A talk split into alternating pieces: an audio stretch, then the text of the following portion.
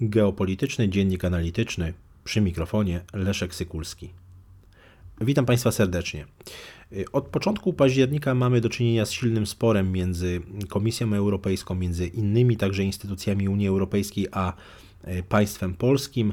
Tutaj e, bardzo istotnym takim wydarzeniem było, był wyrok wydany w imieniu Rzeczypospolitej Polskiej przez Trybunał Konstytucyjny 7 e, października w sprawie oceny zgodności z Konstytucją RP wybranych przepisów Traktatu o Unii Europejskiej.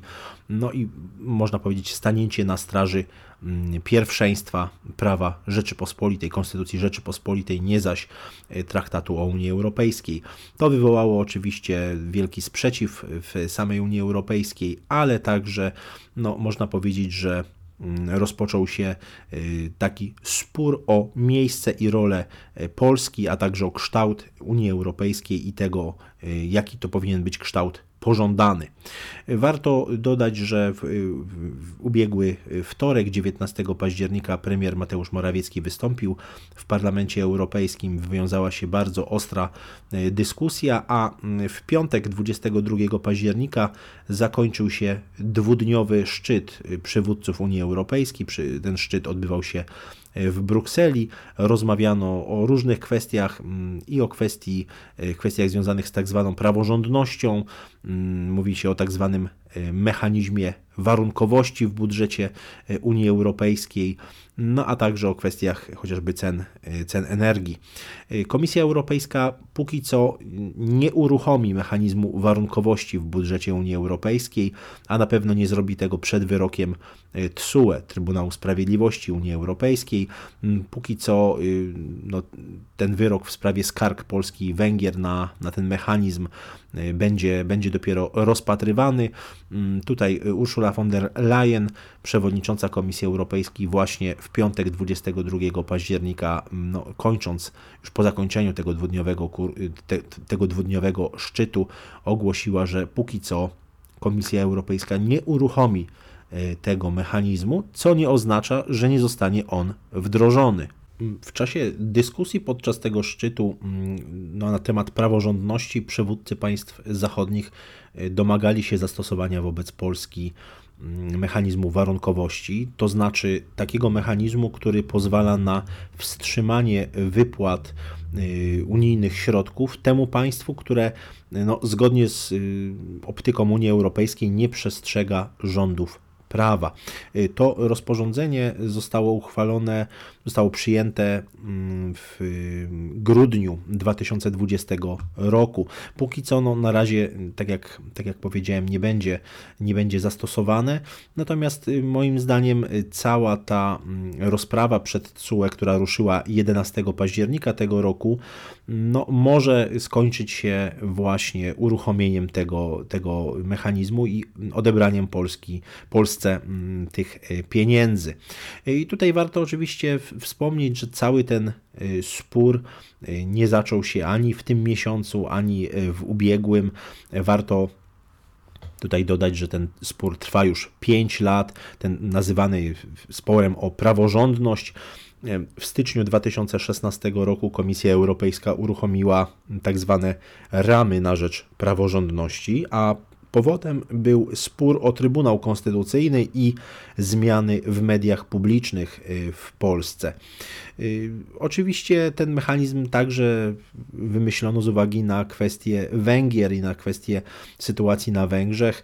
Mm, pierwsze postępowanie o naruszenie prawa Unii Europejskiej właśnie w tym duchu e, rozpoczęto w lipcu 2017 roku.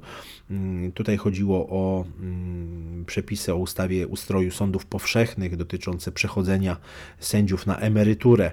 No i e, to było oczywiście nowością, bo do tej pory e, Trybunał Sprawiedliwości Unii Europejskiej no, nie rozpatrywał spraw związanych z sądownictwem w krajach członkowskich i niewątpliwie był to precedens, no właśnie tak jak powiedziałem w 2017 roku.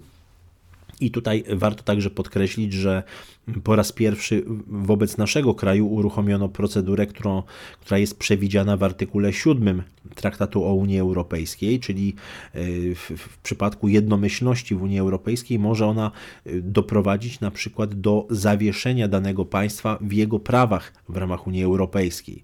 No, widać, że sytuacja jest bardzo poważna i ten, mm, i ten kryzys ciągnący się już właściwie 5 lat, ponad 5 lat, no, dotyczy nie tylko tych kwestii, o których, o, o, których y, już wspomniałem, ale tak naprawdę dotyczy pewnego spojrzenia na to, czym Unia Europejska ma być, no, czym, w jakim stronę ma dryfować, bo jeżeli podsumujemy sobie bilans tego sporu między Unią Europejską a a, a, a, Polską, czy to kwestie sądownictwa, czy kwestie mm, światopoglądowe, no to zobaczymy, że od pięciu lat coraz częściej Unia Europejska y, zyskuje, czy Komisja Europejska zyskuje y, takie instrumenty, które do tej pory były zarezerwowane dla, y, dla państwa polskiego. Możemy właściwie powiedzieć, że mm, w ciągu tych pięciu lat coraz częściej polskie instytucje oddają uprawnienia na rzecz organów unijnych i tutaj Komisja Europejska staje się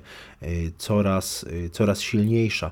Zresztą te kwestie praworządności stały się już w Unii Europejskiej absolutnie priorytetowe i widzieliśmy to, mm, słyszeliśmy to w orędziu o stanie Unii Europejskiej, które 15 września wygłosiła e, przewodnicząca Ursula von der e, Leyen. I e, moim zdaniem ta kwestia będzie coraz mocniej podnoszona przez Unię Europejską, podobnie jak to, że Bruksela uznała, że Izba Dyscyplinarna Sądu Najwyższego nadal działa, chociaż zgodnie z postanowieniem TSUE już nie powinna.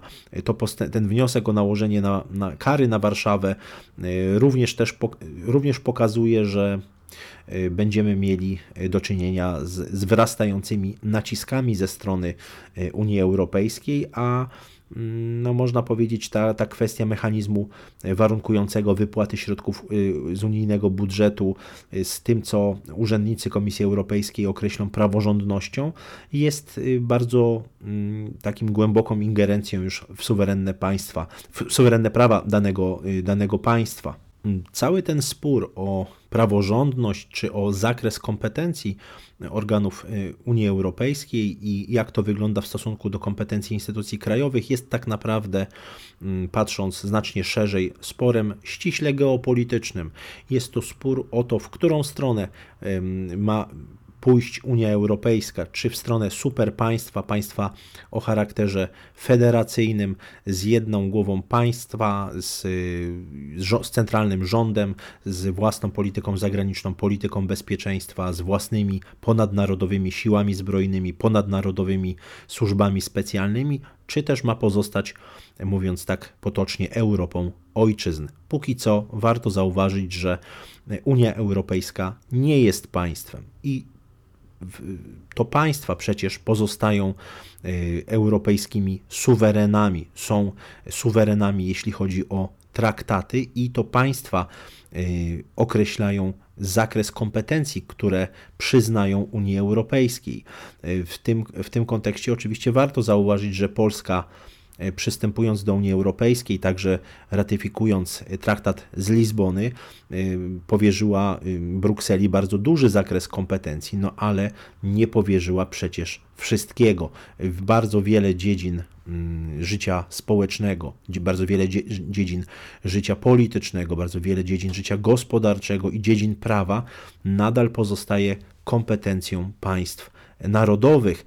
W tym kontekście no, warto także zauważyć, że y, trybunały, czy Polski Trybunał Konstytucyjny postawił pytanie o to, czy monopol Trybunału Sprawiedliwości Unii Europejskiej na określanie granic powierzenia tych kompetencji jest rozwiązaniem słusznym. I tutaj oczywiście warto zauważyć, że TSUE już od dłuższego czasu wyprowadza z traktatów bardzo wiele nowych kompetencji dla instytucji unijnych. To zresztą budzi, budzi sprzeciw i no, budzi sprzeciw państw, które chcą pozostawić swoje suwerenne, suwerenne prawa. Zresztą są państwa, które, gdzie nie istnieją trybunały konstytucyjne i takie, które, a także takie, które mają obecność w Unii Europejskiej wpisaną do konstytucji i takie, które te, takich zapisów nie mają. Więc tutaj bym absolutnie nie, nie, nie robił z tego jakiegoś centralnego punktu. Istotą sporu, istotą procesu jest spór o kompetencje, o zakres kompetencji mm, państwa, y, instytucji, państw, instytucji unijnych i państwa narodowego. Obserwujemy te procesy mm, związane z działalnością urzędników y, unijnych w takim powiedziałbym zawłaszczania poszczególnych kompetencji y, dotychczas zastrzeżonych dla państw narodowych. Widzimy, że istnieją takie tendencje, aby tworzyć superpaństwo, aby tworzyć mm, takie superpaństwo wymieszane narodowościowo, natomiast myślę, że jest to jeszcze, jeszcze, jeszcze odległa przyszłość. Zresztą potrzebna byłaby na to zgoda wszystkich państw i narodów e, Unii Europejskiej. Natomiast y, niewątpliwie ten spór kompetencyjny będzie narastał, co moim zdaniem wymaga w Polsce poważnej, merytorycznej y, debaty na temat tego, czym powinna być Unia Europejska, jak widzimy nasze miejsce.